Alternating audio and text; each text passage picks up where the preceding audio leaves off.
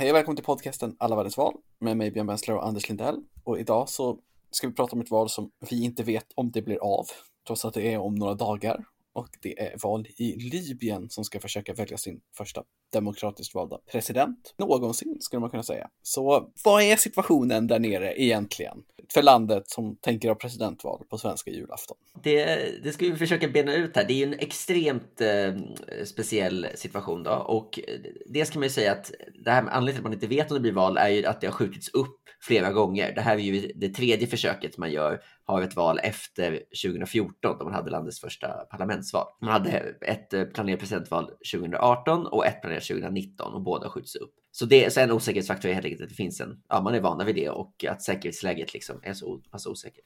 Det Och andra, en, en annan tänkte jag säga att den officiella kandidatlistan är Ja. inte släppt än. Nej, precis. Jag tänkte in på det. Att det har ju varit 100 kandidater, eller 98 anmälda kandidater. eh, Och ganska många av dem har Eh, myndigheten inte godkänt. Men exakt liksom, vilka som är godkända och inte är fortfarande inte bestämt. Så att eh, två stora osäkerhetsmoment då, i, inför att vi går upp i presidentvalet. Och för att liksom spä på det ytterligare så är det ju så att det finns ju inte heller riktigt en tydlig maktinnehavare i Libyen just nu. Det har ju liksom fram tills i, i år funnits liksom två separata styren i landet som liksom båda gjorde varsin tolkning av valet 2014 och sedan dess har styrt delar av landet.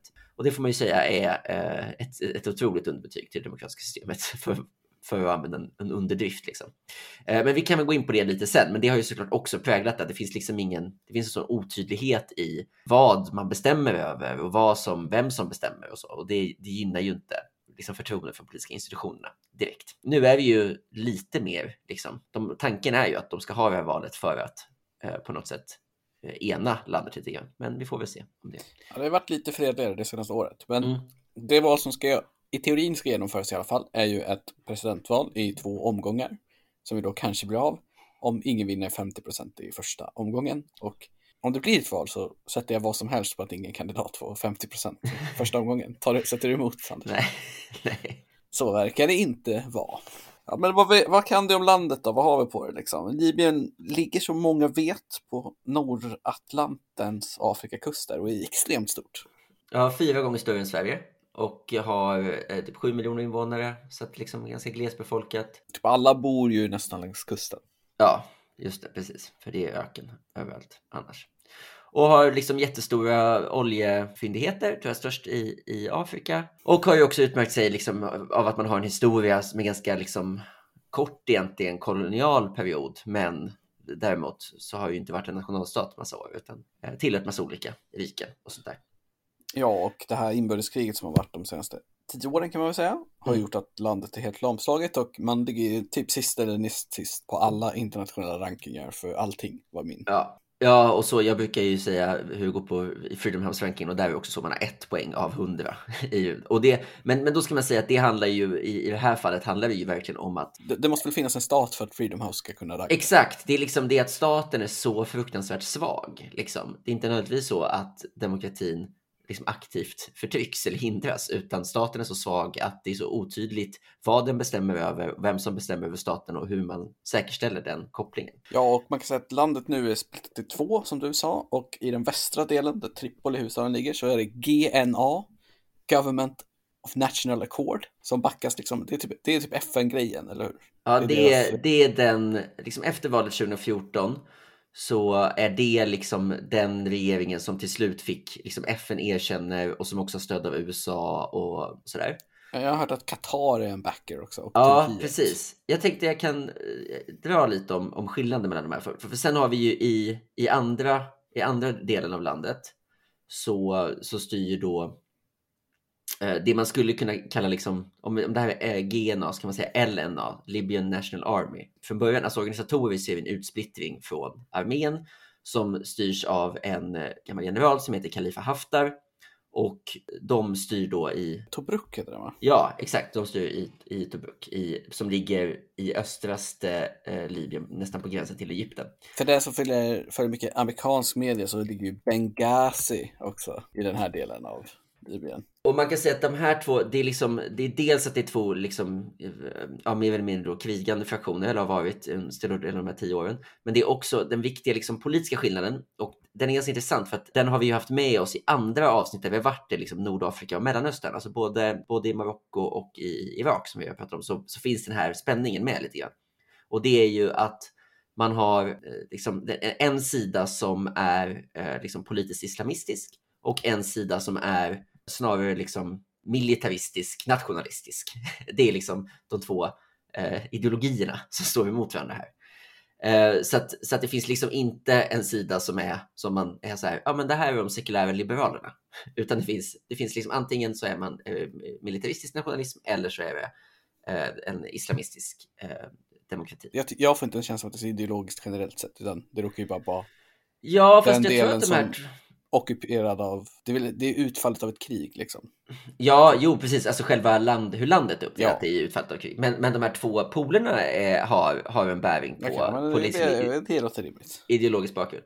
Och, och då kan man också säga, apropå liksom vilka som stöder vilka då, så är, för det här kanske inte heller är liksom superintuitivt då, utan den delen av GNA som är backade av, av USA och FN och så vidare, det är ju den mer islamistiska delen.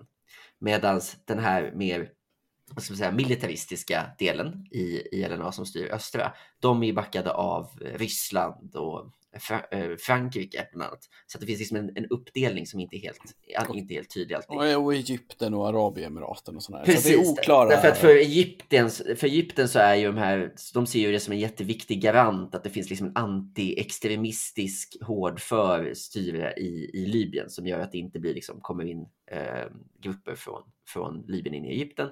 Medan för kanske eh, Qatar så tycker man kanske att det är, de tycker mer att det är värt det om det finns en, en ytterligare en islamistiskt styre i världen. Men, men en, en liksom märklig koppling är att det finns liksom inte en, en verkar inte finnas en perfekt genomförd liksom EU-linje här till exempel, utan EU är väl på, backar väl på något sätt eh, GNA som styr i Tripoli, men eh, Frankrike till exempel då, verkar ha gett en del stöd till Haftars styre i Tobruk.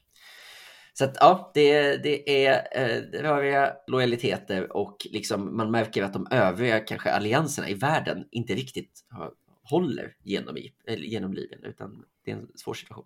Nej, och det är ju olika liksom, intressen som spelar roll.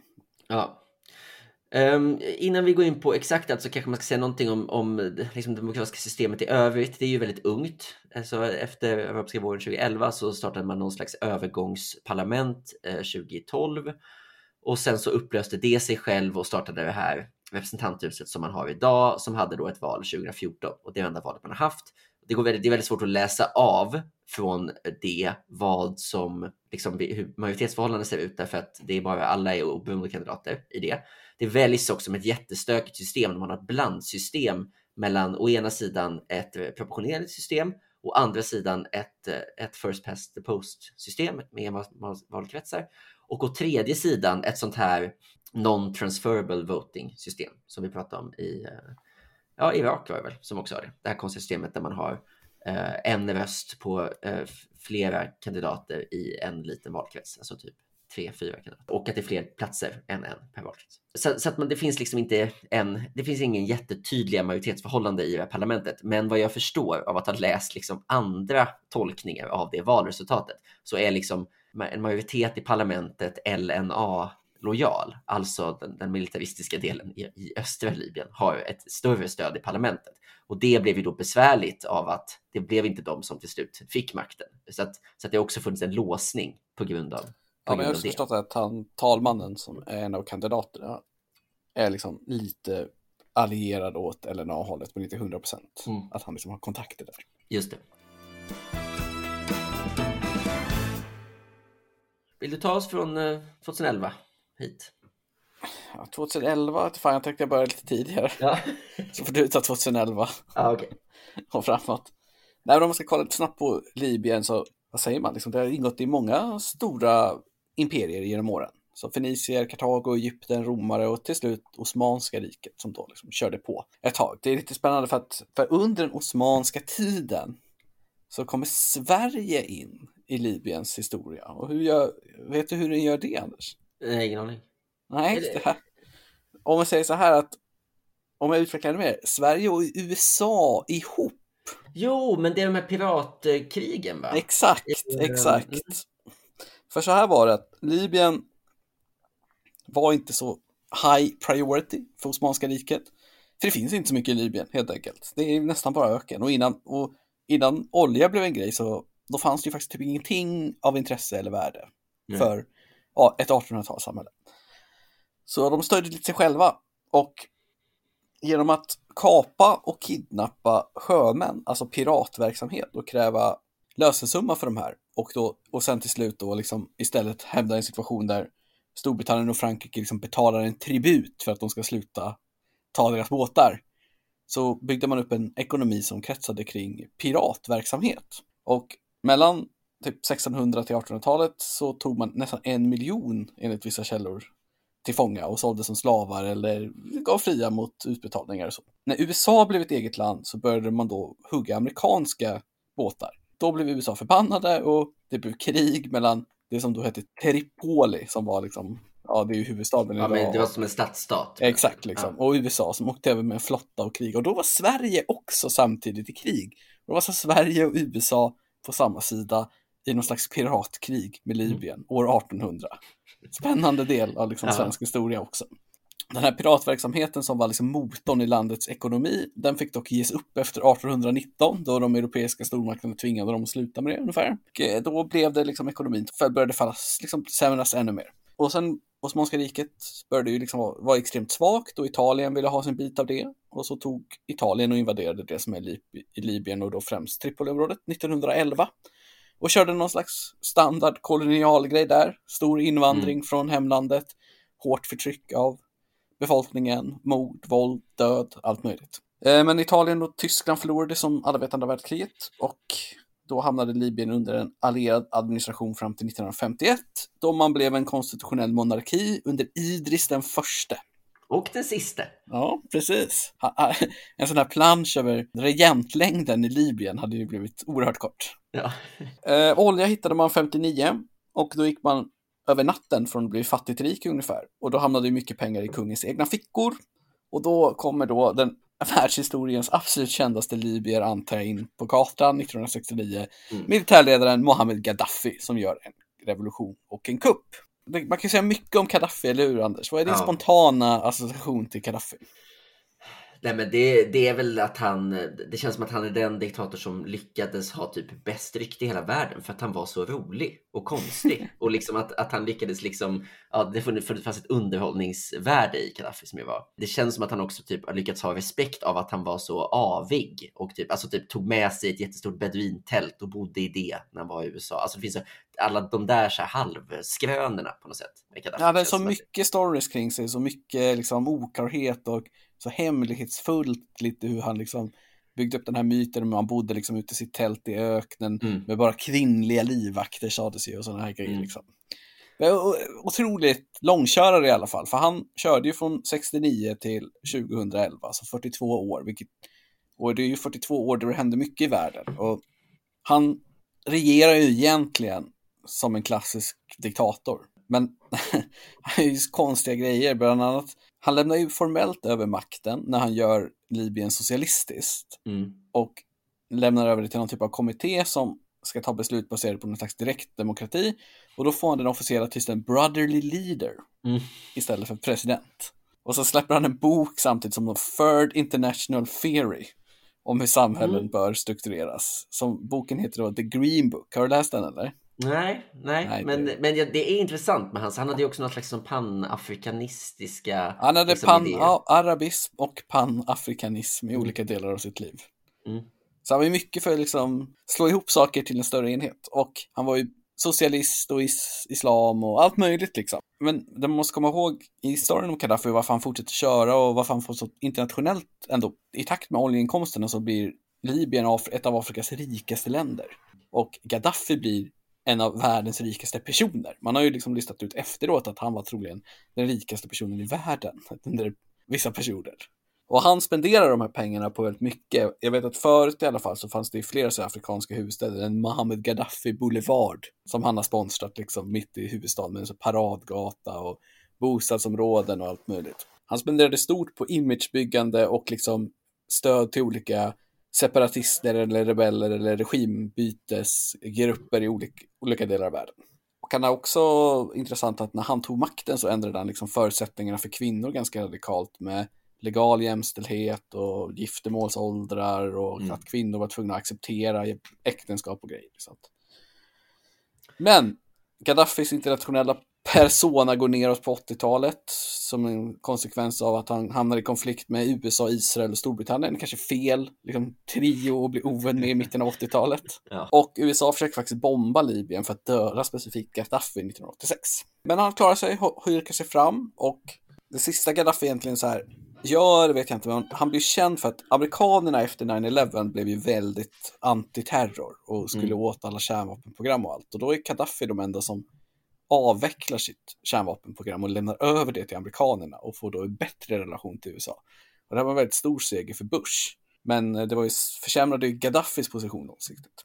För att den arabiska våren 2011, det är ju gnistan som tänder elden i Libyen också. Och det börjar egentligen i Libyen som på andra ställen med protester mot väldigt hög arbetslöshet, korruption och maktfullkomlighet. Och men Gaddafi är en gammal man vid den här tiden och han överreagerar något så sanslöst och mm. liksom öppnar eld mot fredliga demonstranter och då tappar han tidigare allierade, oppositionen enas i ilska och det ena leder till det andra och det blir liksom ett inbördeskrig där Gaddafi till slut förlorar. Och Gaddafis död är ju väldigt känd för den sändes ju mer eller mindre live i hela världen. Mm. Med den här mobilkameran när de drar ut han från det här betongröret han gömmer sig i och han blir liksom huggen med något och slängd på den här bilen och sen, liksom, sen dör han, dödförklaras han på sjukhuset. Mm. Efter 42 år på tronen så är liksom diktatorn död och det här är då under 2011 och Libyen är på väg in i något helt nytt och det är ju det helt nya som det här valet på något sätt ska försöka lösa. För mm.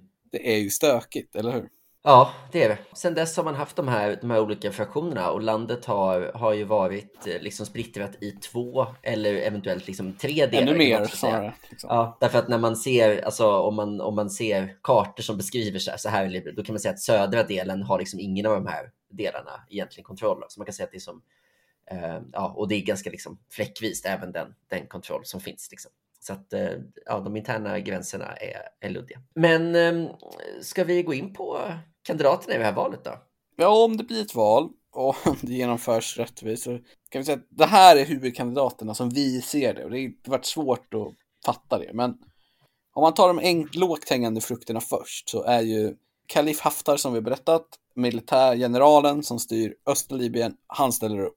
Ja. Och han är ju den kanske mäktigaste enskilda individen i dagens Libyen. Ja, och han är, har ju varit med sen Gaddafi-tiden. Han var ju liksom med, han är 78 år nu och var med och liksom eh, gav Gaddafi makten, hade sedan ett litet fallout med Gaddafi på 80-talet och blev då upplockad av USA och eh, liksom någon slags eh, USA-stödd opposition. Så att han bodde i USA i typ 30 år och besökte bara Libyen för att göra olika kuppförsök som misslyckades. och sen kom han då tillbaka 2011 och fick snabbt en liksom roll i den väpnade... Eh... Han har ju skaffat sig en egen maktbas, en egen ja. armé. Han har ju bildat liksom en egen stat i Libyen nästan. Ja, precis. Och nu styr han då östra... Och snacket är ju att han egentligen inte kan vara med för han har två medborgarskap. Det får man inte ha enligt reglerna för att de är utformade så att han kanske ska falla på det. Ah, okay. För han har amerikansk medborgarskap, eventuellt. Ja. Det är inte helt bekräftat. Ja, en väldigt speciell, speciell karaktär. Ja, jo, så det, det ska vara. Men han är i alla fall, givet att han är en kandidat och han är då en alltså vad har GNA då för man? Jo, de har som jag förstår det Abdulhamid Debeibe mm. som också är en gammal Gaddafi-byråkrat. Var ledde eller var ordförande för Public Work Programs. Liksom. Mm. Så att mycket av de här stora offentliga byggnader och så är hans. Liksom. Han är också en av de rikaste männen, tidigare ministergrej och varit premiärminister i GNA nu det senaste året innan han har avgått och är nu presidentkandidat. Man kan säga att han kör såklart som independent, typ alla kör som independent, men det är den makt, liksom hans stöd borde komma från de här grupperna. Och han har ju då såklart en sjukt shady brorsa som är anklagad för, hans bror är anklagad för korruption, pengatvätt och försökt köpa röster för den här snubben då i framtiden. Han är också rik liksom. Så att, eh... Men The Baiba, eh, eller The Baby, han är ju också, eh, han har ju lett den regering som på något sätt till slut enade landet och det är väl med, med stora situationstecken enade där. Men alltså fram till den regering som han har lett sedan i mars i år, tror jag den, den har ju på något sätt haft ett formellt mandat över de här båda, båda sidorna. Liksom. Så det har ju varit någon slags liksom, kompromisslösning. Och fram till dess var ju en ännu mer GNA trogen. Jo, men det har varit lite så han, har ju haft, han har ju typ lite, vad ska man säga, ett okej track record. Liksom. Då ska man säga att den här senaste regeringen sitter ju som en konsekvens, eller kom till efter att Haftar då försökte ta hela Libyen mm. och belägrade Tripoli under 2019 tror jag, men sen var tvungen att dra sig tillbaka mm. under 2020 för att han misslyckades med liksom att ta det. De går emot varandra nu, fredligt. Ska ja. Och sen har vi då lite andra. Vill du ta nästa eller? Alltså man kan också, det finns också någon slags eh, tidigare inrikesminister under de här GNA som kanske är ännu mer GNA-tung då, som heter eh, Fatih Bashagha som också kandiderar. Så det är väl också ett, liksom ett hyfsat tungt namn. Eh, och sen noterar vi också att ett av få liksom, partier som ställer upp har en, en kandidat som heter eh, um, Aref Ali Nayed som varit ambassadör i Förenade Arabemiraten, så som, som ska vara lite mer ett ja, som har ett slags försök till att vara något slags sekulärt mitten-höger-parti som också kör. Men, men det roligaste namnet, eller det finns ju två namn kvar, va? det ena är talmannen i parlamentet. ja, det är ju Aquila Saleh Isha som är någon mm. slags, jag läste någon, någon, någon analys som sa att han är talman i parlamentet och, lite, och att om det är så att eh, GNA-kandidaten och Haftar står på varsin sida så är han den enda rimliga kompromisskandidaten i mitten. Mm. Så om mm. det här var någon slags parlamentarisk förhandlingssystem så borde han bli premiärminister, för han är den enda som credibly kan ställa sig i mitten. Ja, eller president. Men han har ju också drivit igenom, det är jättekonstigt, han är talman parlamentet, men han har ändå drivit igenom den nuvarande vallagen via sitt eget dekret typ. Mm. Så lite stakigt liksom. Så han är inte helt ren heller, men eh, sista kandidaten har ju ett känt efternamn i alla fall, eller hur? Ja, och då är det då alltså Saif al-Islam Gaddafi, Muammars näst äldsta son som ju kandiderar och som ju också har ett, ett parti. Alltså de, ehm, ja, den engelska översättningen är Popular Front of the Liberation of Libya. Som ju är liksom en Gaddafi, vad ska man säga, Gaddafistisk eh, organisation. Liksom. De, kör, de har Libyens gamla, den här helgröna flaggan som, som sin logga och eh, ja, vill liksom eh, återinföra Gaddafi-tiden på något sätt. Det finns ju en, eh, en arresteringsorder utfärdad av domstolen i Haag mot denna man. Ja, och han, också, han dömdes också till döden 2011 i, i Libyen. Men, men blev benådad av eh, Khalifa Haftar. Eh, så, att, så att det har varit liksom... Det finns alltså, satt i någon slags husarrest länge. Ja. Men är nu släppt och det finns... Och grejen är då, kanske lyssnaren frågar sig, hur fan kan en Gaddafi vara aktuell? Jo, för att Gaddafis anseende i Libyen har ju stärkts de senaste åren eftersom ja. det har varit så jävla kaosigt. Och att det då ses tillbaks lite mer som en fan det var skit, men det var i alla fall inte så här skit. Nej, nej. Så internationella observatörer och tyckare och diplomater och trams är ju liksom lite rädda att det ska gå väldigt bra för Gaddafi. Ja. ja, men det finns, så det finns liksom dels den mer eller mindre sittande premiär, premiärministern borde ändå kunna få en hel del röster. Haftar borde ju verkligen, som, som du sa, som har en stat i staten och varit liksom med i gamet i, i 50 år. Och sen har man då också en, en Gaddafi på, på scen. Ja, med vårt lilla kunnande känns det som att, eh, att någon skulle få 50 eh, tidigt. Det känns ja, men av alla val vi täckte i år så är det här den stökigaste första omgången. Verkligen. Svårast så... att säga något om, svårast att säga vem som har bra läge. Det finns ju såklart inga opinionsundersökningar. Det finns såklart ingen garanti att någonting går lagligt eller rätt till eller något sånt här. Nej. Eller att det blir av. Precis, vi spelar in det här den 19 december. Det är fem dagar kvar och det är fortfarande inte helt hundra. Att det blir av och vilka som i så fall kandiderar. Min känsla är att det inte blir av. Vad säger din känsla? Det känns som att de kanske, alltså hela poängen med valet har ju varit att på något sätt sätta en punkt för den här enande processen som man lite började i mars i år. Liksom. Men det verkar inte som att det kommer kunna tjäna det syftet. Liksom. Om det blir av så lär vi vara ett extremt lågt valdeltagande. Jag såg att eh, eh det senaste valet man hade 2014, det parlamentsvalet, det hade ju 18 procents valdeltagande det gör ju att liksom, vilka lojaliteter som finns egentligen spelar ju typ ingen roll då, alltså för då, är, då avgör ju deltagandet så himla mycket. Eh, och det är kanske inte konstigt därför att det är ju så mycket liksom internationell inblandad och inblandning och så otydligt så att säga, för ganska många så känner man kanske inte att, att just vad man röstar på är det som kommer att avgöra landets framtid. Nej, men eh, det blir intressant att se om det blir ett val. För vi börjar där liksom. Ja. Eh, det här var sista valet som vi täcker år. Så det är nästa val som vi tror vi kommer göra om är parlamentsvalet i Portugal. Ja, om det inte kommer upp något som inte vi känner till som ligger tidigare i januari. Så Eh, vi tackar för oss och hoppas att det har varit trevligt och så hörs vi nästa år. Det gör vi.